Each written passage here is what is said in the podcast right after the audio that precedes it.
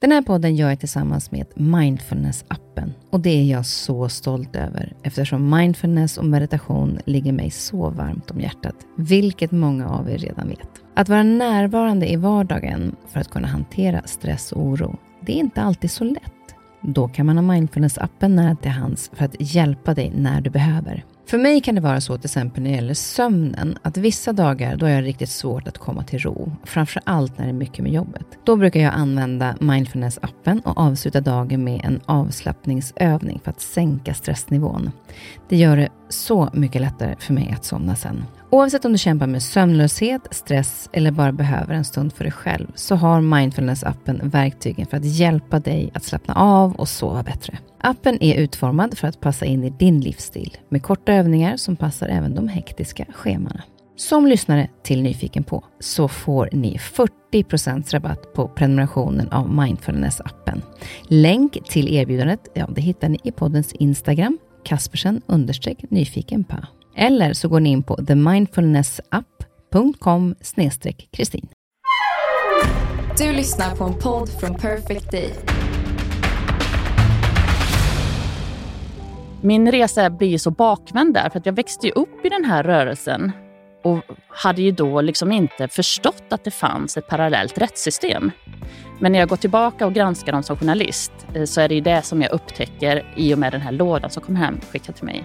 Att eh, det finns ett eget rättssystem, en egen lagbok och att man bedriver liksom interna rättegångar där man dömer människor.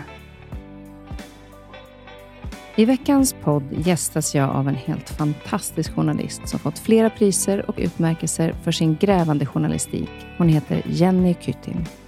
Hon låg bakom eh, granskandet av en av Sveriges största rättsfall, Thomas Quick. Hon är också grävchef på SVT.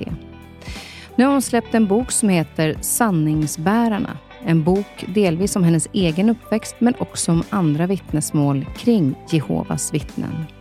Jennys familj var just Jehovas vittne och trots allt hon varit med om som sexuella övergrepp av sin egen far och misshandel så har hon aldrig granskat sin egen uppväxt och den sekt hon växte upp inom. Tills den dagen Jenny fick hem en låda. Det stod till journalisten Jenny Kyttim från en anonym avsändare. I den lådan låg en massa brev med vittnesmål och hemliga manualer om hur man bland annat hanterar brott mot kvinnor och barn och då framförallt sexualbrott inom Jehovas vittne. Jenny fick då samtidigt bestämma sig för att öppna sin egen dörr till sin barndom och börja granska. Det resulterade i den boken som nu finns ute, Sanningsbärarna. En otäck läsning tycker jag, men samtidigt så otroligt viktig.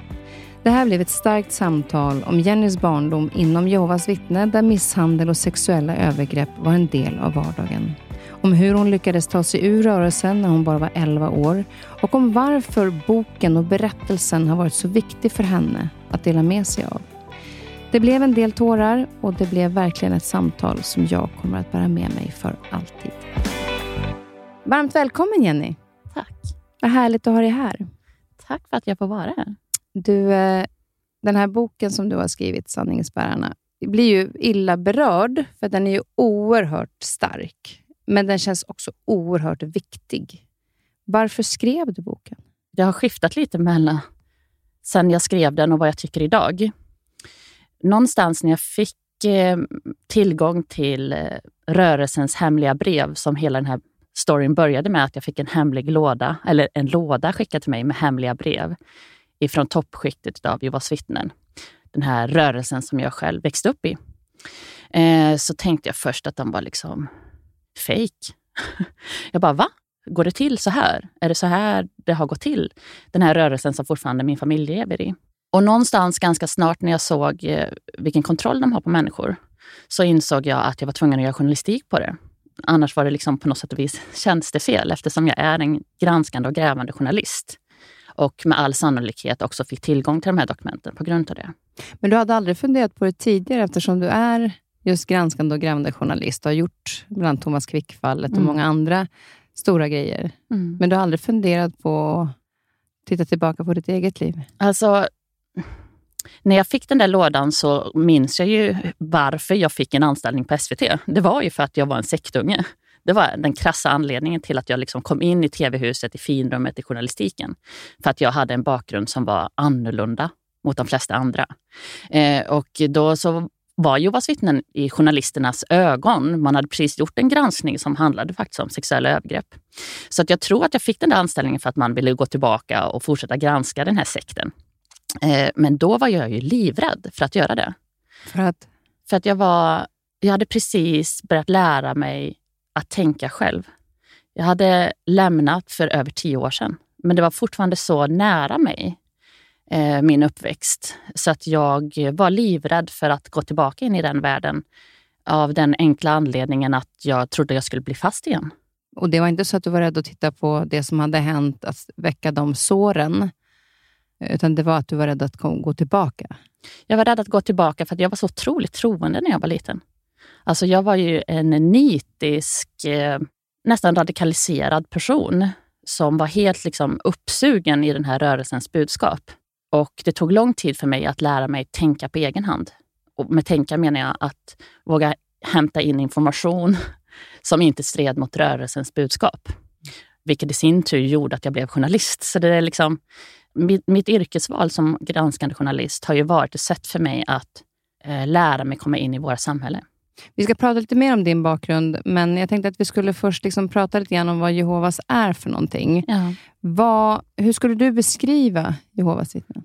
Jehovas vittnen, som de själva säger då, är ju en rörelse som började på 1870-talet i USA. En av många rörelser som trodde på Jesus återkomst till jorden. Och när de började då så var de som vilket samfund som helst. Men blev i början på 1900-talet väldigt sluten rörelse. Och idag är de en sekt. Men de har växt sig väldigt starka. Eh, det finns 8,5 miljoner Jehovas vittnen över hela jorden.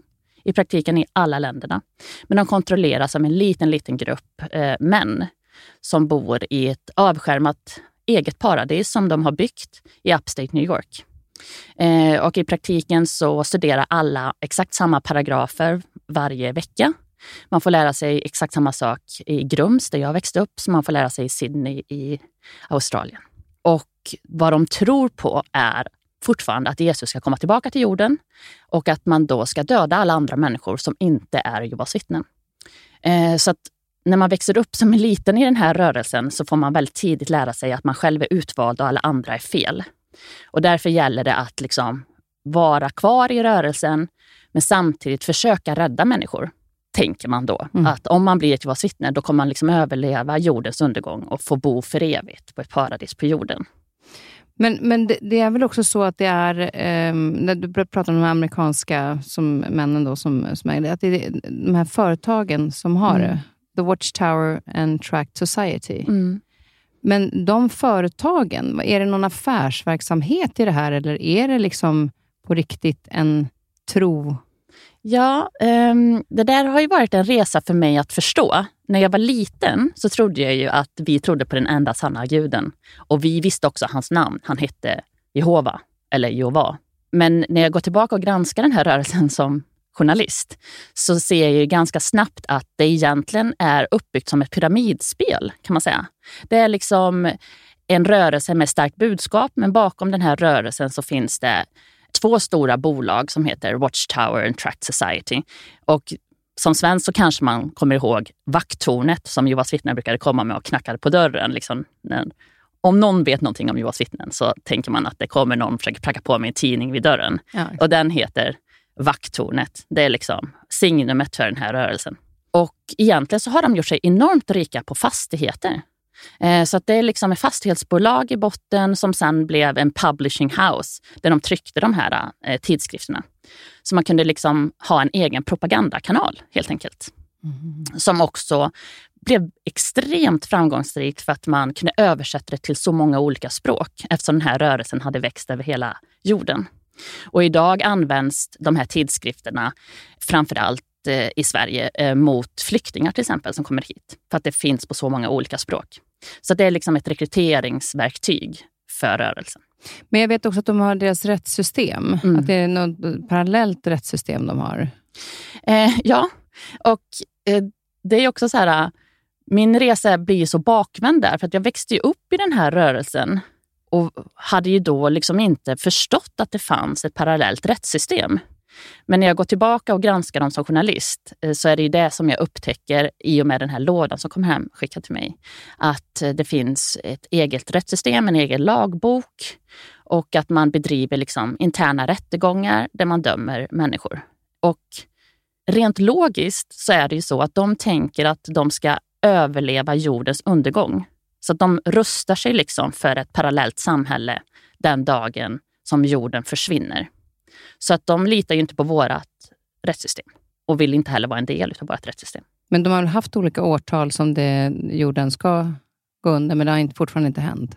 Så är det. Och vad eh. säger de då, när det inte har hänt? Var det 74 eh. eller när skulle det gå? 1975 75. var liksom deras signumår. Och eh, de hade egentligen förutspått att jorden skulle gå under fyra gånger innan dess. Men 1975 var liksom året då det skulle ske. Och så gick ju såklart inte jorden under. Och då har de hanterat det lite olika. Rörelsen förändrades då. Man slutade prata helt enkelt om jordens undergång och började istället rikta in sig på eh, mer moralfilosofiska frågor. Man blev liksom väldigt konservativt kristna och började driva liksom eh, abortfrågor och sådana saker. Så man förändrade rörelsens eh, struktur. Men man tror ju då fortfarande på jordens undergång. Men man har inte fastslagit ett visst datum vilket istället då stressar väldigt många människor. Man tror i praktiken att jorden ska gå under imorgon eller nästa vecka, definitivt om ett år. Vilket gör att människor hålls i schack. Man vågar ju såklart då inte göra fel. För att tänk om man gör fel just den dagen och så, så kommer Harmageddon imorgon och då har man förlorat det här eh, hoppet om det eviga livet. Och vad jag också förstår så finns det, eh, med att de har ett eget rättssystem, mm. eh, det här med den här eh, tvåvittnesregeln. Mm. Vi ska komma in och prata om din barndom snart, men mm. det kanske kan vara bra att förklara den. Mm. Så att man vet vad det är innan vi kommer in till om din bakgrund. Ja, um, så att Jehovas vittnen har ju då det här parallella rättssystemet. Och eftersom det är ett slutet, en sluten rörelse som i praktiken bygger på att familjer tillhör församlingar och församlingar tillhör det här högkvarteret, så innebär det att eh, man har kontroll på alla människor som finns i den här rörelsen. De övervakas eh, i olika skikt i församlingarna. Och för att man då ska kunna bli dömd eh, för till exempel eh, våld i nära relationer eller sexuella övergrepp, så måste det finnas två vittnen till det här brottet. Vilket då betyder att framförallt sexuella övergrepp på barn gör att ingen fälls för det här någonsin. Och det är sånt som de har skrivit in. Förstår man varför de har skrivit in det? Är det för att ingen ska kunna fällas? Eller? Det är ju den frågan som jag försökt bena i, i den här ja. boken. Hur, hur, varför finns en tvåvittnesregel som är såklart helt absurd? För alla som har varit med om sexuella övergrepp vet ju att det inte finns någon som står och tittar på när det händer. Eh, så att jag tror att det är en eh, regel som finns där för att man inte ska få ett dåligt rykte helt enkelt. Så att eh, om det finns förövare i församlingen så kommer de heller aldrig avslöjas. Det är därför, okej. Okay. För din bakgrund, eh, där hittar man ju mycket av just misshandel mm. och sexuella övergrepp. Men om du ska gå tillbaka, så vad är det första, om du tänker tillbaka på din barndom, vad är det första minnen du har från det? Och dig och din familj? De allra, allra första minnena jag har är när vi flyttar till Grums. Och då är jag tre, tre och ett halvt år. Och jag kommer ihåg hur vi flyttade in i det här huset och ganska snart därefter så föddes min lilla syster. Och eh, jag var ju del av en väldigt stor familj. Jag, hade, jag har åtta syskon. Eh, men eh, mitt liv var ju väldigt inrutat från morgon till kväll. Och väldigt strukturerat kring den här rörelsens krav och förväntningar på en. Så man började med en morgonbön och man läste dagens ord, som det hette. Vilket innebar att det fanns någon uppmaning där i hur man skulle bete sig just den dagen. Som då var en referens till deras egen bibel. Mm. Det här med att inte tänka själv, utan allting var styrt så varje ja, dag. Precis.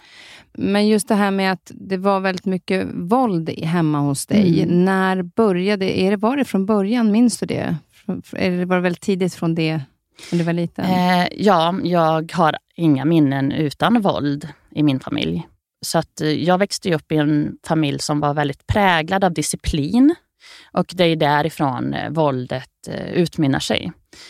Som ett Jehovas vittne så förväntades du då ehm, gå på möten varje, eller tre gånger i veckan. Och de här mötena låg alltid på kvällarna, mellan nio, eller sju och nio på kvällen.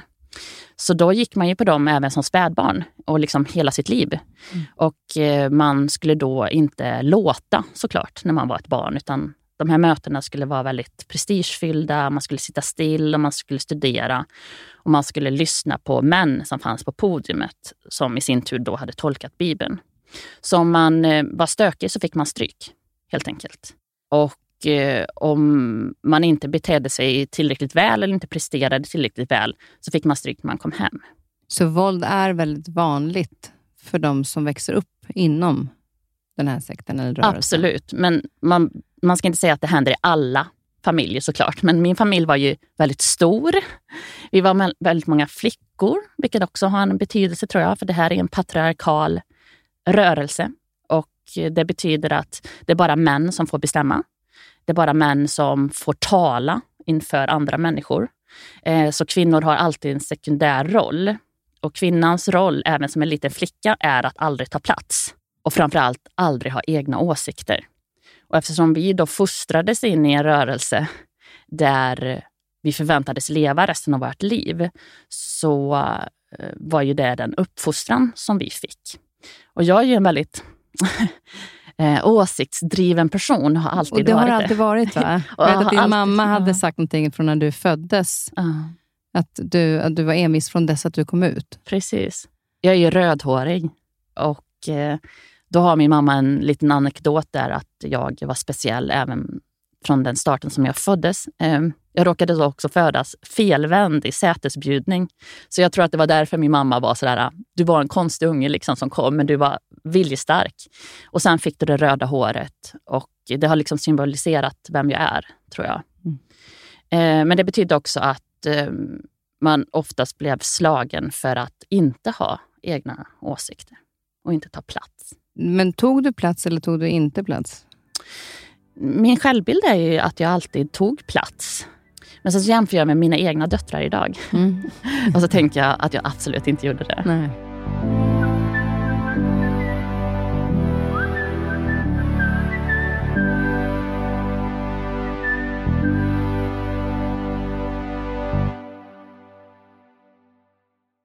Men jag tänker, för i, väldigt tidigt i boken mm. så skriver du om dina systrar och en händelse mm. när hon går till kiosken, mm. där systrarna fick stryk. Alltså, mm. Såg ni varandra? Fick ni stå och titta på ibland när, när ni åkte på stryk, eller gjordes det i stängda rum? Eh, nej, det var absolut i disciplinärt syfte och eh, eftersom då är det inbyggt att man ska titta på. Och det är ju det som gör ondast. Om man själv har vuxit upp i en sån dysfunktionell familj som jag har gjort, så är det inte ofta jag tänker tillbaka på hur ont det gjorde att jag själv blev slagen. Utan det onda är ju när man ser andra bli slagna och man inte kan hjälpa dem. Mm. Eller om man själv har varit orsaken till varför de fick stryk. Vilket eh, var ofta i vår familj. För att eh, det är inbyggd liksom, en övervakningskultur i hela rörelsen och så då även i familjerna. Så att eh, man har liksom skyldighet att rapportera när folk gör fel. Eh, för om man inte rapporterar när folk gör fel, då gör man lika mycket fel själv. Så det betydde att jag eh, till exempel skvallrade mina syskon, svor i skolan. Ganska oskyldigt mm. såklart i vår värld. Eh, men i Jehovas vittnens värld så var det liksom ett sätt att kalla på demonerna, fick man lära sig, om man svor. Så att det var ju alltid den här dubbelheten att växa upp i vårt samhälle, men stå utanför vårt samhälle. Det är så ofattbart när man själv inte har varit i det, Nej. att ens uh, förstå. Men du råkade också ut för sexuella övergrepp, mm. och det av din pappa. Ja. Vad minns du av det? Jag eh, minns ju eh, den allra första gången eh, och eh, hur jag inte förstod vad det var. Eh, sen minns jag framför allt hur eh, han sa att jag inte fick berätta det för någon. Liksom. Eh, Men hur går det ihop med att man ska ju berätta mm. om någon gör någonting? Och Han säger att du inte får berätta, vilket betyder att han har gjort fel. Ja. Men du får inte berätta? Precis, men han är min pappa. Eh, och eh, inom Jehovas vittnen så är det männen som bestämmer. Så han, precis som det är äldstebröderna som bestämmer i församlingarna, så är det pappan som bestämmer i familjerna. Så det betyder att det är en värre synd för mig att trotsa hans order än att liksom gå till församlingen. Mm. Men förgrep han sig, alltså just med misshandeln och eh, den övergreppen ni var mm. utsatta för, var det mest på barnen eller var det också mamma? Mamma blev väldigt slagen. Så att eh, hon var, är ju också ett offer självklart i det här. Men vad gjorde, tror du, att pappa var så våldsam? Är det att han var ett Jehovas vittne eller var han sån som person? Eh, både och, tror jag. Alltså, han är ju andra generationens Jehovas vittne, så han var ju också uppvuxen i den här rörelsen. Så då är det ju väldigt svårt att veta liksom, vad som är en produkt av ens miljö eller vad som är ens personlighet. Men det hängde ju såklart ihop med eh, stressen, tror jag, som han kände. Um, inte de sexuella övergreppen, men eh, våldet i familjen var ju för han ett sätt att kontrollera oss. Men hur tog det slut? För att du, det, det var ju så att ändå, du började kissa på dig på nätterna. Mm. Eh, vad var det som hände då? Jag hamnade på sjukhus. Eh, jag kissade inte bara på mig på nätterna, utan på dagarna. Jag hade liksom svårt att eh, hålla tätt. Och det gjorde ju jag medvetet för att min pappa inte skulle vilja krypa ner i min säng. Men utåt så reagerade ju folk eh, och då hamnade jag på sjukhus. Och då var jag 11 år första gången. Och då upptäckte de att du hade varit råkat ut för sexuella övergrepp? Eller? Nej, det fanns aldrig på kartan. Eh, utan man försökte undersöka varför jag hade de här somatiska besvären, som man då sa. Alltså ifall det var något fel på mina njurar eller sådana saker. Eh, och framförallt så berättade jag inte heller för någon vad som hade hänt mig. Men det var liksom punkten när det tog slut, övergreppen. Mm. För att? Framförallt för att, vi, att jag aldrig återvände hem efter det. Men vad var det som gjorde att du inte återvände hem? Du var ju bara 11 år. Ja, det är svårt att förklara, men eh, det var, när jag hamnade på sjukhus var det första gången som jag var bortanför min familj. Liksom jag var ensam för första gången utan min familj. Och Det betydde också att jag var bortanför den dagliga kontrollen utav rörelsen. Jag gick inte på möten, jag läste inte alltid deras litteratur. Utan det öppnades en ny värld för mig, där jag var på sätt och vis tvingad att eh, ta kontakt med andra människor och ha relationer med andra människor utanför rörelsen. Vilket gjorde att jag förstod att mitt hem inte var som alla andras hem. Även fast jag hade gått i den vanliga skolan och så, så tänkte jag ändå att det inte var så off, liksom, det som hände hemma hos oss. Eh, framförallt inte jämfört med andra Jehovas vittnesförsamlingar, eller barn eller mm. familjer i, i, församlingen, vilket var de jag umgicks med. Men eh, på sjukhuset så lärde jag mig till exempel, eh, ja, jag läste nya böcker, egna böcker som jag själv hade valt. Eh, vilket var i praktiken första gången i mitt liv. Minns du vad du tänkte när du läste de böckerna, när du såg att det som stod där inte stämde överens med det som Jehovas vittnen lärde ut? Um, ehm, jag minns framförallt att jag läste Anne Franks dagbok. Och fram till dess hade jag ju alltid liksom sett på utrotelsen utav eh, eller förintelsen som i kontexten av Jehovas vittnen. Det enda vi fick lära oss på våra möten var hur många Jehovas vittnen det var som hade dött i koncentrationslägren. Och de hade liksom inte en, en judestjärna, utan de hade en lila triangel. Så i min värld så handlade det liksom bara om de väldigt, väldigt få, vilket var 2000 har jag förstått i efterhand, Jehovas vittnen som dog i koncentrationslägren. Så det är så typisk grej för Jehovas vittnen att man ser, man vinklar om allting för att passa i sin egen rörelses budskap. Så de där sex miljoner judarna fanns liksom inte i min värld, utan det var de här 2000 Jehovas vittnena. Och det där minns jag att det var en sån otrolig krock. Ja, det måste ju, alltså, för mig. Någonstans inom en, alltså att inte man är lurad, men det blir ju en... Men alltså, vad är sant? Precis. Eh, och eh, jag vet inte ifall jag kunde definiera att jag var lurad då, men jag blev istället lost. Otroligt förvirrad i början av min tonår. Och jag stod inför två val. Att lämna, alltså jag behövde komma ifrån pappa. Det var ju vad jag ville när jag kom hem från sjukhuset. Så då eh, ställde jag ett ultimatum på min mamma. Det var en ren överlevnad. Liksom. Stanna kvar och inte leva eller lämna för att kunna leva. Och då um, frågade jag mamma om hon ville lämna tillsammans med mig. Och det ville hon ju såklart inte, för att en kvinna får inte lämna sin man liksom, i den här världen. Eh, men då sa jag att jag skulle lämna mina småsyskon, jag har tre småsyskon. Och kanske för att jag alltid varit så där liten och rödhårig och åsiktsdriven, så tog hon det på allvar. Så vi lämnade då pappa. Så det var inte du själv som lämnade, Nej. utan du fick med dig mamma och småsyskonen? Precis. Mm. Men min mamma har aldrig lämnat rörelsen. Men jag lämnade rörelsen i samband med det. Men jag bodde fortfarande kvar hemma hos mamma.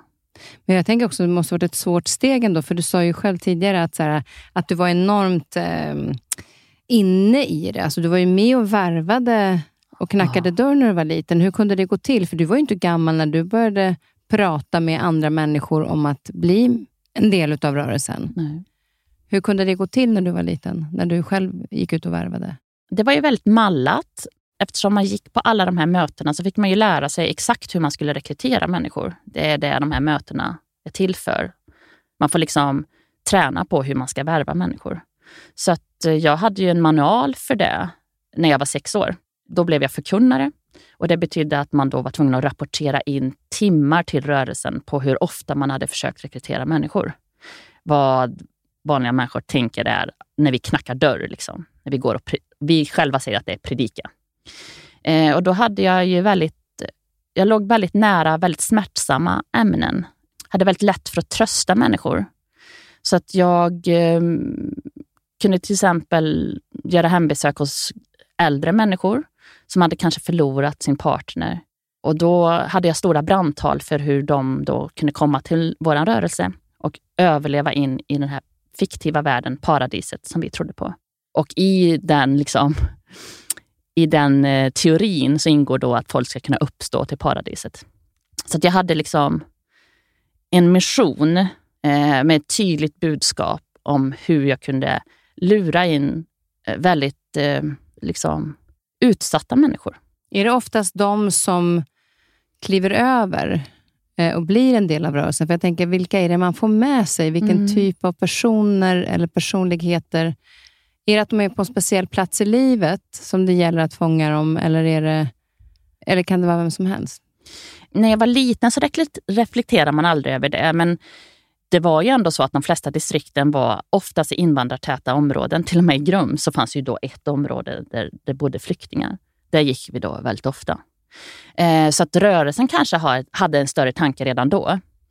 Nu när jag går tillbaka och pratar med så många avhoppare i och med boken, så jag har försökt att ta reda på det. Hur många värvade du in i rörelsen? Och de allra, allra flesta har ju värvat typ inga in i rörelsen. Men man har ändå gjort de här, äh, rapporterat alla de här timmarna in till rörelsen. Men de här 150 avhopparna, alla de är antingen födda in i rörelsen, precis som jag var, eller blev rekryterade in i rörelsen när de var som svagast. När de kom hit som flyktingar eller när de var tonåringar och precis hade lämnat hemmet och var sökare. Så man fångas upp i rörelsen när man är i förändring. Jag tänkte, du sa ju så att när du var sex år, att du kunde mm. liksom ändå fatta att den här kvinnan mm. är i sorg. Ja. Henne kan jag... Mm. Att det ändå så pass... Alltså en, en, sexåring ska inte behöva trösta ta det ansvaret. Eh, bara den delen.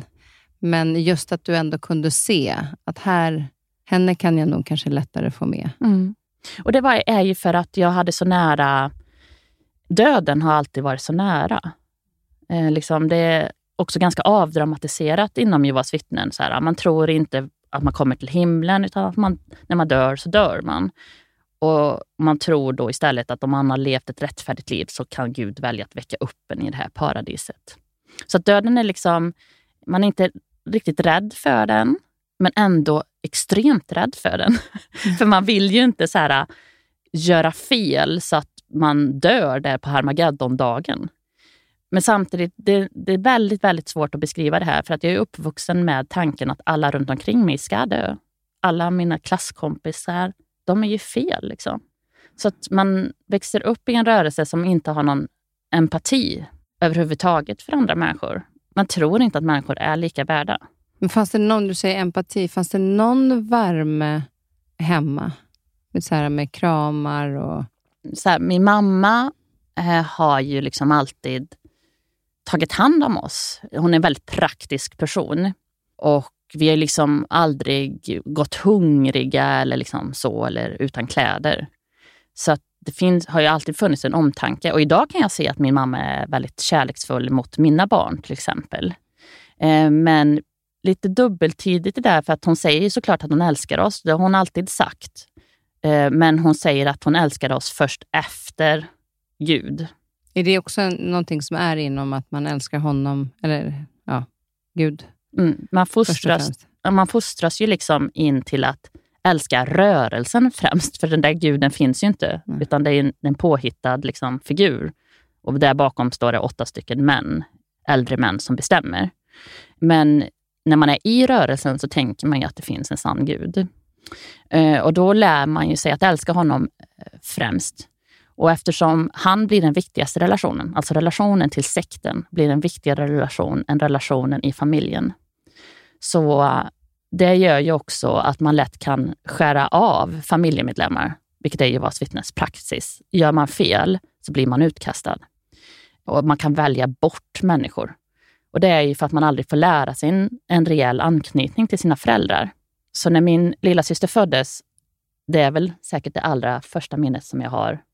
Eh, hon kom hem ifrån BB och eh, jag säger att jag älskar henne. Och då korrigerar min mamma mig och säger att nej, vi älskar Gud först och sen älskar vi alla våra syskon lika mycket.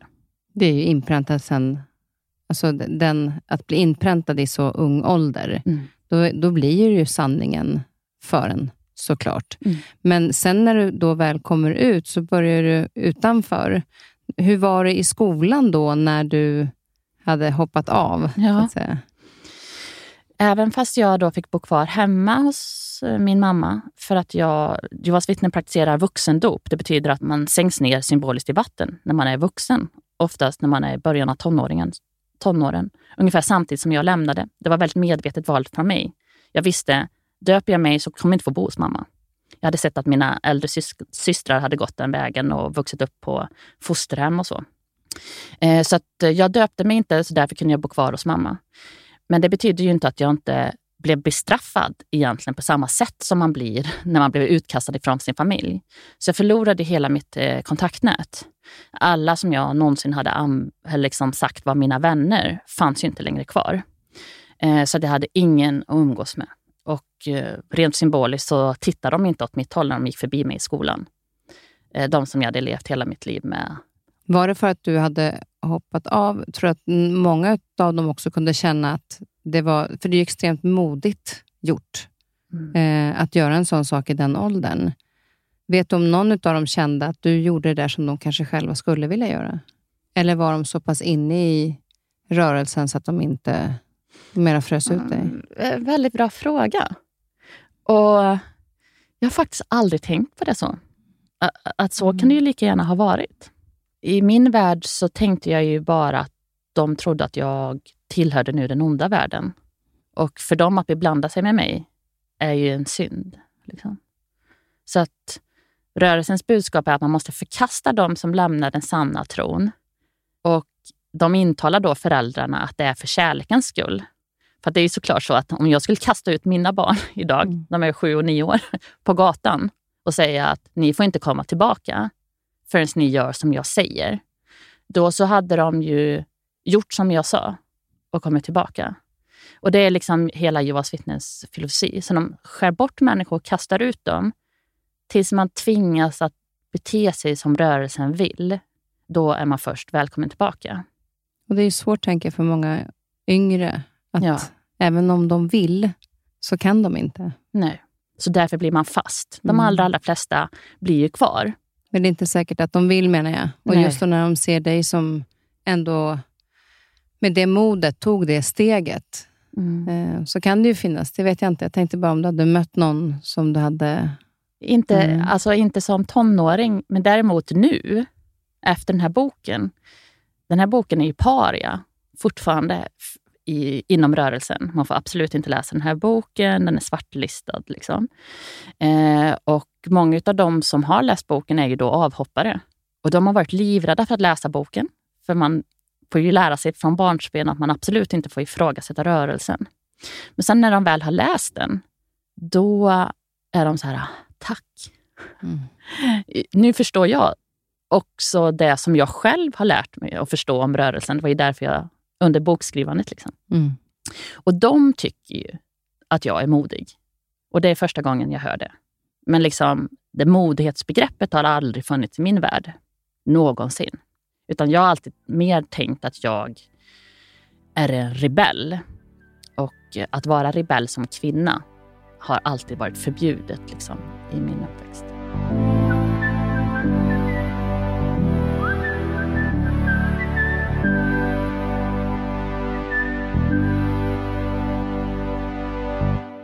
Men gymnasiet sen så valde du att gå media mm. gymnasiet. Hur kommer det sig att du valde den inriktningen?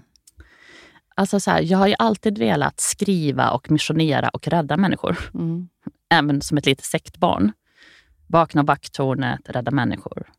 Så att det låg ändå ganska nära till hands, journalistyrket. Så, samma modus. Ja. man vill rädda människor, man vill lära människor någonting som, eh, som de inte visste sen innan. Men rent krasst så var det också ett väldigt effektivt sätt för mig att eh, allmänbilda mig. Att hela tiden eh, arbeta med fakta. Och liksom, att det var väldigt, väldigt viktigt för mig att aldrig igen bli lurad som tonåring. Så att först hamnade, hamnade jag ju rejält fel liksom, ute i vår värld. Jag var väldigt lätt offer liksom, för att eh, för äldre killar. Jag var liksom, hade ingen identitet överhuvudtaget när jag kom ut. Jag visste inte ens hur en demokrati fungerar. Jag fick ju inte vara med i skolrådet liksom, när jag var barn. Det var förbjudet. Så jag fick lära mig allt, liksom hela, hur hela vårt samhälle fungerar på en väldigt, väldigt kort tid. Som mellan jag var 13 och jag var 15 så var jag väldigt lost. Självmedicinerade enormt mycket alkohol. Mm. Eh, blev ju liksom den värsta ungen i skolan. I rökruteungen. Liksom. Hamnade hos SOS hur många gånger som helst. Tills jag fattade att jag var tvungen att skärpa mig för annars så eh, skulle jag bli placerad på ett fosterhem. Allting sånt fick jag ju lära mig utan ett vuxet stöd. För min mamma skämdes ju bara över mig under den här perioden. Jag var ju fel. Kände du dig ensam? jag var ju enormt ensam. Mm. Um, men jag hade ju äldre syskon. Så jag har ju aldrig varit fysiskt ensam, men väldigt ensam. Mm. Och Du valde ju här också då att, eh, på, den här, på gymnasiet mm. då, att granska din egen pappa. Ja. Hur kommer det sig att du valde just det? För att jag inte visste någonting om honom, tror jag. Så uh, när jag fick lära mig personresearch, alltså hur man kartlägger en en person. Då var det kärlek i första ögonkastet för journalistiken. Och fascinationen för hur öppet vårt samhälle är. Att man med hjälp av personnummer kan ta reda på så mycket om en person. Liksom hur man begär ut eh, offentliga handlingar och så. Och, och då var det första gången som jag förstod att min pappa var dömd för delar av de brotten han hade gjort mot oss som barn. Och det hade du aldrig fått höra talas om tidigare? hade aldrig någonsin eh, fått höra om tidigare. Eh, även fast jag hade lämnat rörelsen. Vad betyder det för dig att se det här? Alltså jag la ingen värdering i huruvida han var dömd eller inte, men det var en bekräftelse på att se att det var någon som hade försökt ställa eller ställt honom till svars. För det hade jag ju liksom aldrig sett. Men jag var väldigt förvånad över vilka brott han var dömd för. Eh, och även fast jag då som 16-åring inte kunde se det som jag idag som vuxen kan se, att det var så enormt hederspräglat. Han hade liksom slagit mina systrar väldigt brutalt. Också vid ett tillfälle försökt kasta ner en av dem för ett stup. Alltså i en hederskontext. Att inte hon förtjänade att leva om hon inte levde enligt den heden som finns liksom inom Jehovas vittnen. Eh, det där var aldrig saker som jag reflekterade över som 16-åring det enda jag kommer ihåg att jag riktigt störde mig på genom att läsa de domsluten som fanns om min familj, det var ju hur min mamma hade varit behjälplig till brotten och framförallt hade skyddat min pappa. Vad kände du då? Ett enormt svek. Hon var ju den enda, den enda personen som jag alltid har velat älska och älskat. Liksom den enda som är och har varit min anknytning som barn. Och det var ett enormt svek. Eh, man skulle kunna tro att jag skulle känna till någon svek ändå. Mm. Men det blev svart på vitt så tydligt. Och som vuxen nu kan jag se också hedersaspekten utav det. För att det var så att de ville inte att mina äldre systrar skulle bo kvar i Grums. För att då skulle de kunna påverka oss att lämna rörelsen. Så de argumenterade för att de var tvungna att eh, ha fosterfamiljer i andra städer. Det är så overkligt med tanke på att det är en sån hur djupt det sätter sig och just det här den enda anknytningen man har. För mm. det, där pratar man ju om det här med liksom anknytnings... Hur viktigt den är som barn mm. eh, för framtiden. Och att då läsa sånt som, som det sveket som det blir av den absolut närmsta. Såklart, har du pratat med din mamma om de här sakerna? Ja. Hur förhåller hon sig till det? Idag så kan hon faktiskt prata ganska nyanserat om vår barndom och våldet och så som vi upplevde hemma. Och ta på sig ett visst ansvar för det, att hon var en dålig förälder, att hon borde ha lämnat pappa innan. Men hon påpekar också det, vilket är sant, att hon också var ett offer i det. Liksom, hon var ju också lika slagen, lika begränsad. Hon blev ett Jehovas vittne när hon var 16 år. Eller ja, hon skulle fylla 18 men hon träffade pappa när hon var 16 år. Mm. Så att eh, hon var ju också väldigt ung och fick då otroligt många barn fram tills hon var 40 år, som hon då skulle disciplinera och så. Så hon kan erkänna det, eh, men hon... Eh, jag har ju då frågat också om huruvida hon kände till de här sexuella övergreppen. Och det säger hon såklart absolut inte att hon kände till. Och hon argumenterar också för att om hon hade vetat det så hade hon lämnat min pappa. Men vad säger hon när hon hör att du faktiskt har råkat ut för det? Hur var hen, vad var hennes reaktion då? Eh, den allra första gången jag pratade med henne om det, då var jag 19 år. Eh, så det var ju flera år efter det hade hänt. Och då tog hon det som en intäkt för att jag bara ville smutskasta. Då trodde hon absolut inte på mig.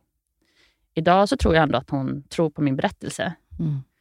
Men i den här boken så sätter jag ju även de sexuella övergreppen i en större kontext till hela rörelsen.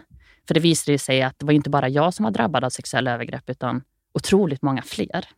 Och det är därför jag fokuserar så mycket på den här tvåvittnesregeln och hur absurd den är. Och problemet blir att när jag då lyfter perspektivet ifrån vår familj och pappa mot mamma, då ser hon bara rött. Liksom. För då är det att jag ifrågasätter sekten. Mm. Så att eh, hon kan inte skilja på, på det.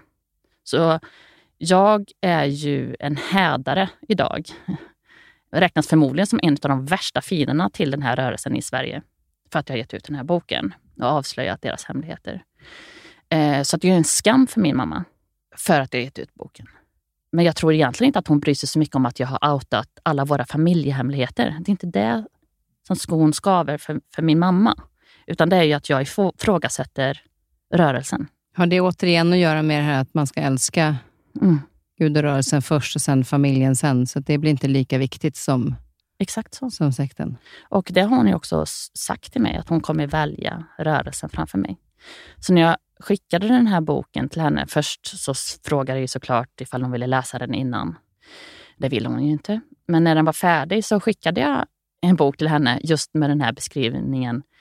Jag vet att det är smärtsamt.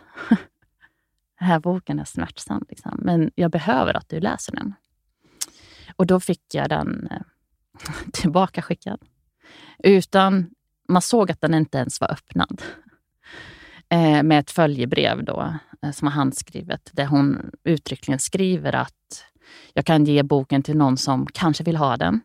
Att hon alltid kommer välja rörelsen och att det är den sanna rörelsen. Liksom. Hon väljer rörelsen för dig. Hur, ja. känner, hur känner du då?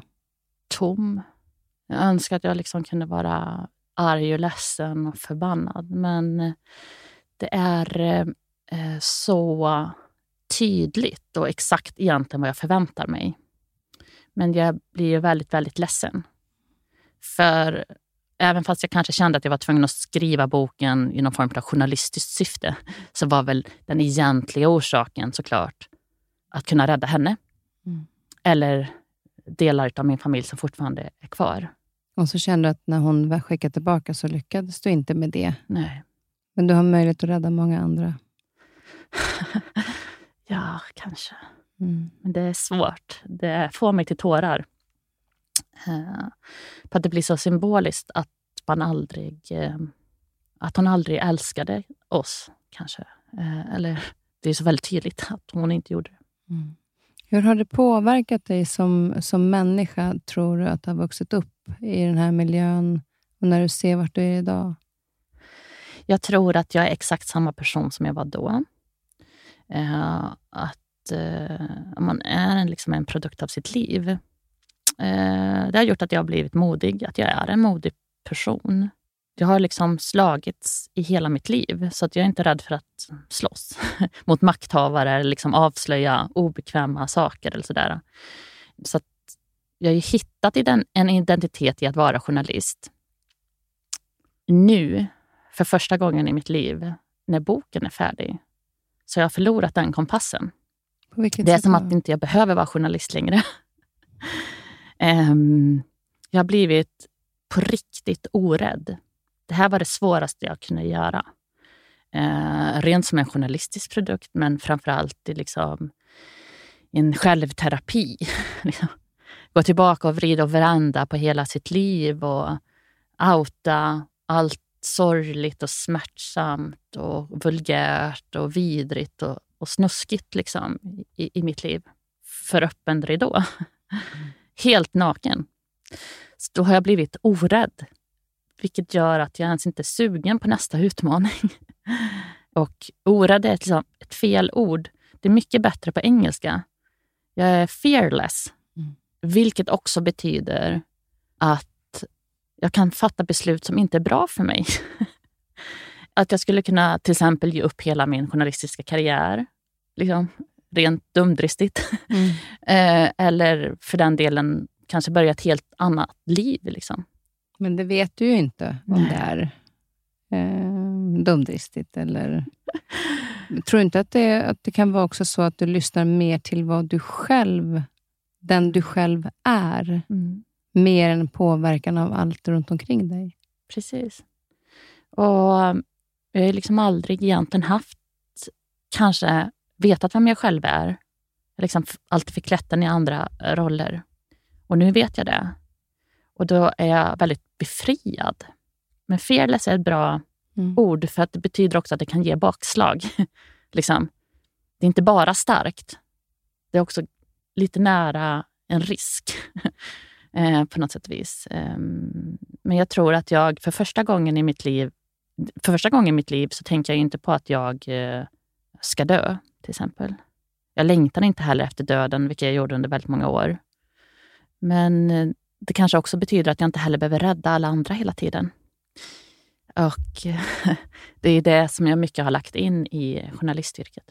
Man ser också, du, du har ju många vittnesmål. Mm. Det varvas ju i boken, mm. din berättelse och olika mm. vittnesmål. Nu är det ju viktigt att du kanske ger dig tid att landa i det som mm. är du. Så kanske du inte behöver vara felledsen, utan det kommer att komma förhoppningsvis ändå, när du landar i den här nya delen som är ditt liv. Men när du har läst de andra vittnesmålen och mm. pratat med de andra, hur har det researcharbetet varit?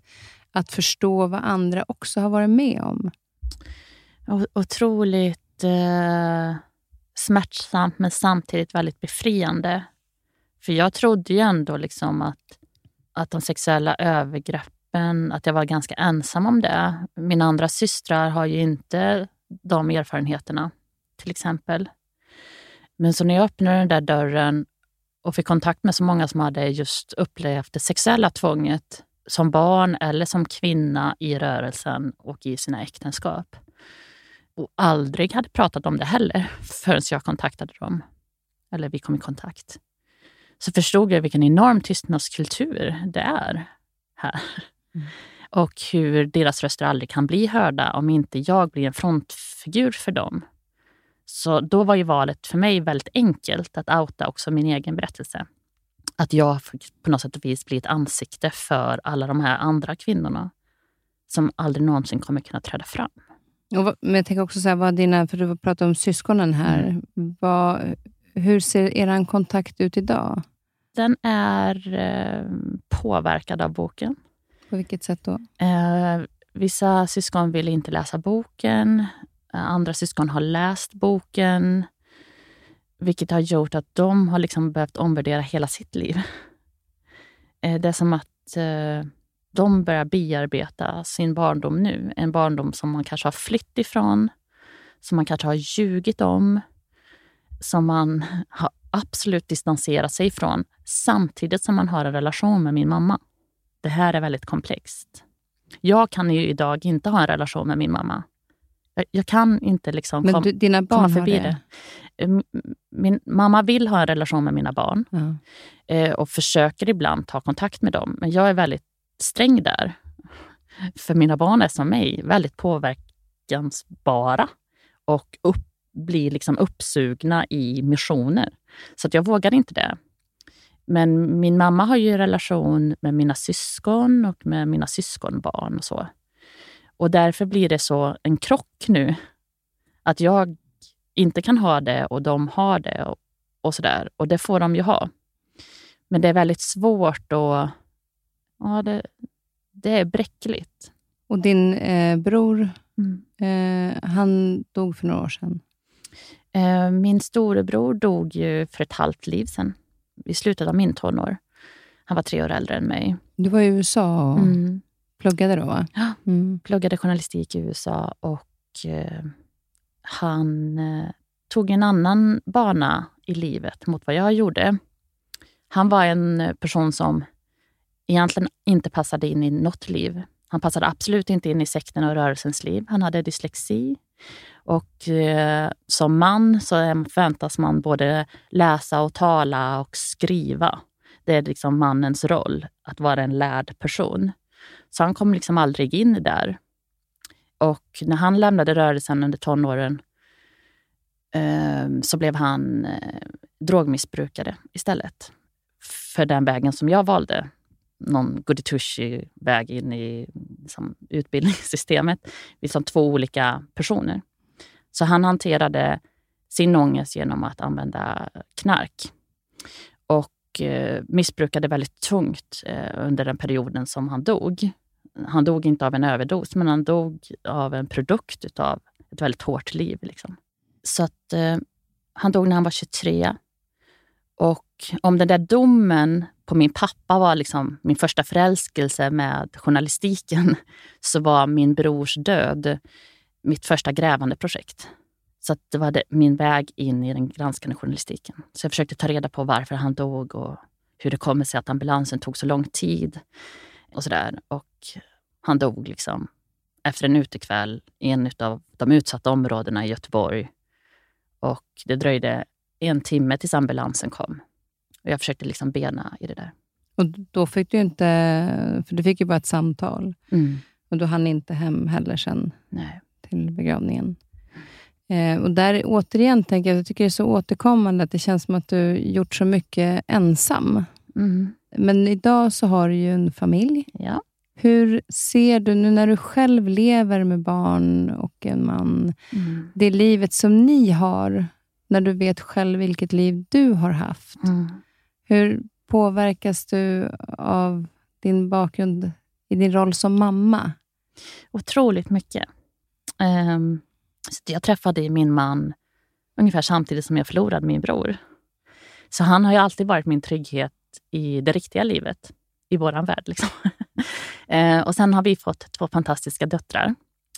Och det där påverkade en nästan mer än sina egna trauman. Hur man kan se livet genom dem på något sätt och vis. Och hur jag fortfarande varje dag kan se när jag hade blivit bestraffad i de lägena, lägena som de gör sina misstag. Eh, och då blir liksom påminnelsen av det man bär på så tydlig. Ärren liksom läks aldrig. För att de också är i den här uh, åldern som jag blev utsatt för de sexuella övergreppen. En otroligt jobbig period just nu. För att jag tänker också att de kan falla offer. Liksom. Att det ligger väldigt nära. Gör det också att det är viktigt att skriva boken nu? Ja, den har ju tagit så jävla lång tid att skriva. Mm. Så att jag började när de var väldigt, väldigt små. Mm. Men jag tror att det har gjort mig till en bättre förälder. Liksom. För att jag har bearbetat mina egna trauman. Och det gör en till en bättre person.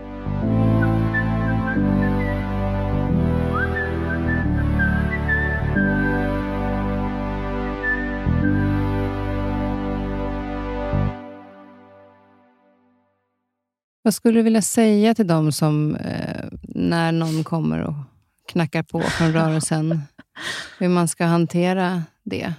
Ja, det är väldigt svårt att möta människor som är fast i en rörelse, som är fast i ett grupptänk. Det går nästan inte att liksom övertyga människor om motsatsen. När man är uppvuxen i en sekt så triggar det en. Om man får höra skit om ens rörelse eller sin trygghet så triggar det en till att bli ännu mer radikal. Det är därför jag skrev boken. Ehm, för att information måste finnas ute när man själv är mottaglig för det. Och precis som man, man blir rekryterad in i rörelser när man är i en förändring, så är det oftast då som man också kan lämna en rörelse. Om man har förlorat sin bror eller man går kanske igenom en skilsmässa. Och då finns det liksom ett, and, ett hål, ett hålrum eh, där man behöver fyllas med information för att kunna göra det här valet. Folk som har läst boken, vissa av dem har klistrat upp den där bilden på sina dörrar med ett litet budskap. Så här. Mm. Om du kommer och knackar på är Jehovas vittne, läs den här boken. Jag har på riktigt fått sådana bilder skickade till mig, vilket jag tycker är lite intressant approach. Jag blir väldigt glad. Och det är liksom inte avhoppare, utan det är helt vanliga människor. Mm. Och att jag ser att, den, att jag försöker, när jag pratar så här i media och så, så brukar jag tänka att säga att jag gillar att den där boken har ett second liv. Liksom. Att när man har läst den kan man ge den vidare eller glömma den på en buss eller sådär. För att det är så viktigt att eh, det finns just en bok. Mm. Men vad, jag tänker också på när det gäller just eh, Jehovas och andra olika mm. samfund. Det finns ju... Varför jag tycker också det är viktigt att läsa den är ju för att få den andra inblicken istället för deras röster enbart, mm. utan också höra från andra eh, som har varit i det och den upplevelsen. Men det jag tänker på, jag kan tycka att det är lite märkligt, just till exempel att Jehovas får statsbidrag. Mm. Vad, vad kan du känna över det? Eh, det gör mig väldigt förbannad. Och Sverige stack ju ut under väldigt lång tid. De fick inte statsbidrag, utan vi satte väldigt hårt mot eh, Jehovas vittnen här. För, just för att de är så odemokratiska. Man får inte ta blod, liksom. Eh, man får inte rösta i de demokratiska valen. Och framförallt hur man behandlar sina barn, man, man kastar ut dem och så. Men eh, de är ju väldigt skickliga då att driva saker juridiskt. Eh, så att de fick ju igenom ett statsbidrag i Sverige. Och sen så ska den lagen ses över. I Norge till exempel har de precis förlorat sitt statsbidrag efter att ha haft det väldigt länge. Just på grund av att de behandlar familjemedlemmar så vidrigt. Att man skär av barn, liksom, kastar ut folk. Ehm, rörelsen är väldigt proaktiva. Så när de fick avslag i Norge på statsbidraget, då fyllde de alla sina propagandakanaler som idag är digitala. Man går inte längre i, på mötena i de här äh, riketsalarna som deras kyrkor heter, utan man streamar allting direkt ifrån högkvarteret ner i paddan. Ehm, så idag är det liksom en ännu mer sluten rörelse. Och då tar de liksom upp i de här propagandakanalerna vad som händer i Norge till exempel och så säger man så här att man gör fel i Norge och vi kommer såklart aldrig ändra det här, utan vi ska slut, fortsätta förkasta barn. Och det var exakt samma sak som hände när den australienska kommittén tog upp sexuella övergrepp nere i Australien och man avslöjade en pedofillista inom rörelsen på över tusen förövare och pratade ganska mycket i den australiensiska kontexten om tvåvittnesregeln. Då tog man också upp det i sina propagandakanaler, inte de sexuella övergreppen, men just den här tvåvittnesregeln adresserades och man påminde hela, alla de 8,5 miljoner följarna att den här tvåvittnesregeln som finns i vår rörelse, den kommer aldrig ändras. Så det är liksom så uh, man hanterar pushback. Uh, för att alla de här uh, reglerna, levnadsreglerna, tvåvittnesregeln eller att man kastar ut sina barn, de finns bara till för att hålla ihop rörelsen. För att en liten grupp av män tjänar enorma pengar på folk i rörelsen. Man, man ger bort sin tid för att bygga fastigheter. Eh, man ger bort sina pengar. Man utbildar sig inte för att man inte ska ifrågasätta. Så man har väldigt lågbetalda jobb men ger bort sin arbetstid. Och om man ärver pengar så skänker man dem till rörelsen. Och dessutom så försöker man ju då få in hela tiden nya människor till rörelsen. Ja, det kan ju vara bra då att den här alltså att boken finns är ju bra på många olika sätt. Dels för familjer eller de som, ja, människor som behöver lära sig mer om vad faktiskt som kan pågå där inne i rörelsen. Men också för sådana saker som politiker och sånt. Mm. Att kanske få upp ögonen för vad det är som sker mm. och vad faktiskt pengarna, statsbidragen går till. Precis. När jag tänker på de här liksom, nu framöver, mm. så är det ju, du säger själv lite jag tänker på din journalistiska bana, du blir lite osäker på var du står idag. Mm. Är det att inte nyfikenheten kommer upp på någonting att granska åt, utan att det på något sätt är det här du kanske har sökt och nu har du fått svaren, fast du har granskat andra saker? Mm. Ja, jag, jag, tror det. Det är som att jag är mättad på något vis. Eh, och istället har jag blivit arbetsledare idag. Och det ger mig ändå väldigt, liksom så här, lär andra människor att gräva. Och det är extremt kul. Men det, det känns som att, jag, att min journalistiska karriär kanske var mitt hjälpmedel. Och nu måste jag fundera på ifall det verkligen också är mitt livsmission. Liksom. Om du tänker på den dagen när du fick hem den där lådan mm. Eh, och dagen där du står idag. Mm. Hade du kunnat ana vad som skulle ske på den resan? Nej. Och jag la ju ner det här bokprojektet väldigt många gånger för att jag fysiskt och mentalt bröt ihop. Och för att jag tänkte att jag, jag som journalist kan jag så tydligt ta ståndpunkt här. Liksom det var en krock med också min identitet. Liksom. Var jag nu en aktivist? Liksom, mm. För att jag skrev den här boken.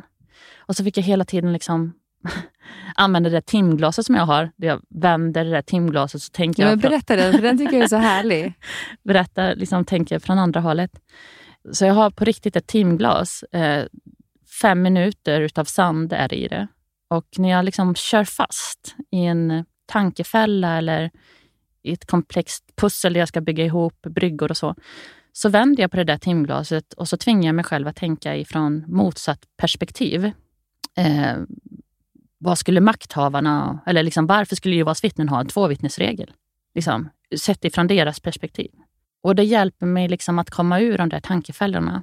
Och nu kanske jag måste vända på det där timglaset igen då, i mitt eget liv, för att fundera över varför är jag journalist och ska jag vara det resten av mitt liv? Du är fortfarande nyfiken på saker? Extremt, mm. och det har jag alltid varit.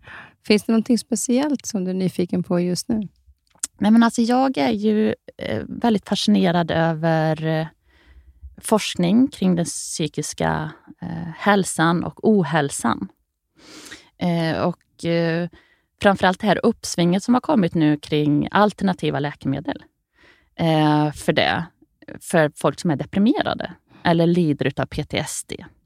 Så har man ju faktiskt gjort en hel del studier nu som har tagit tillbaka alltså LSD, knarket, in i liksom den legitima vården. Och Det här är en mycket spännande utveckling tycker jag. Och följa forskningen kring det. Ja, för det är ett forskningsprojekt i Schweiz, va? I Schweiz, men också på Karolinska. Ja. Och har funnits en forskning under längre tid i, i USA kring detta. Mm. Och Då handlar det alltså om att alla de som inte kan bli botade av vanliga antidepressiva läkemedel eller har då visat en effekt när man har haft LSD inblandat i en väldigt kontrollerad miljö som gör att man kan återanvända till sina trauman och bearbeta dem. För jag ringde, dels ringde jag till en hjärnforskare och frågade, men han hade bara hört om att, att de har börjat titta ja. på det. Eh, och sen läste jag lite grann om det just då, den här Mattias Lehti, ja. Eh, som är nere i eh, University Hospital i Basel. Mm. Men där var det också så här, ska man ju då säga, att det var ju olika grupper som mm. de testade på. Det finns en, en viss positiv effekt på det, kan man se. Eh, mm. det kommer ta många år innan ja. det eventuellt blir medicin utav det.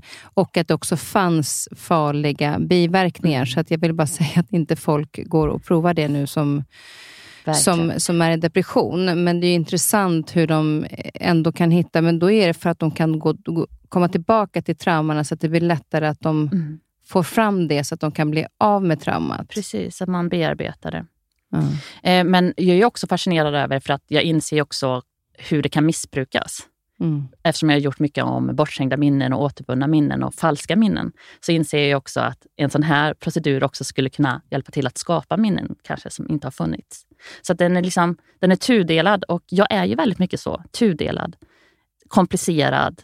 Och den där boken är väl en produkt utav mig. Liksom. Men det är också därför du har gjort en sån fantastisk resa inom journalistiken som du har gjort och också med dig själv. Mm. Och att eh, otroligt fint när du berättar att du faktiskt... Alltså antingen har du varit Jehovas vittne eller så är du journalisten. Mm. Men nu kanske du är mycket mera Jenny. Ja, jag hoppas det. Och att jag kanske finner en trygghet i att bara vara Jenny. Ja, vilken fantastisk människa du är. Eh, jag är så... Nej, det tror jag inte. där är en sak som du ska börja lära när man, man ehm, eller inte måste lära sig, men som är väldigt fint. Att börja ta till sig komplimanger för den man är. Inte bara det man har gjort och presterat. Utan också för den människan man är. För det du gör för så många med den här boken och det du också har gjort för dig själv är oerhört viktigt. Tack. Tack snälla Jenny för att du kom hit. Vi ska avsluta med en låt som du känner igen dig. Du har valt en låt som där du känner att här är jag just nu. Precis. Vilken är det? Lose My Mind med Myra Granberg. Du känner igen i den texten? Ja. Den är tuff och den är just det där smärtsamma och där jag har stått många gånger rent mentalt. Hoppa från balkongen. Då tar vi och lyssnar på den. Och så vill jag ge dig en kram. Tack snälla Jenny. Tack.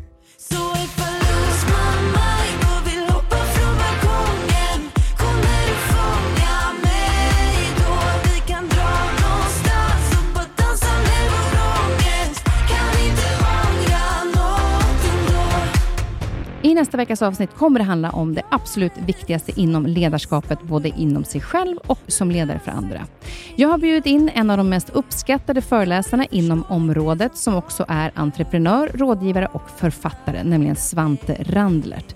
Vi pratar om vikten av lärandet, att få medarbetare och sig själv engagerade och motiverade.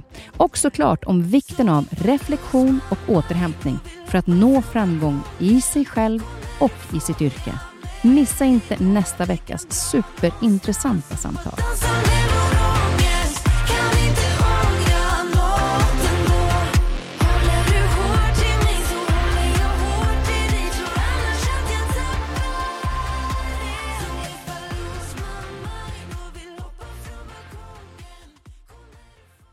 Den här podcasten är producerad av Perfect Day Media.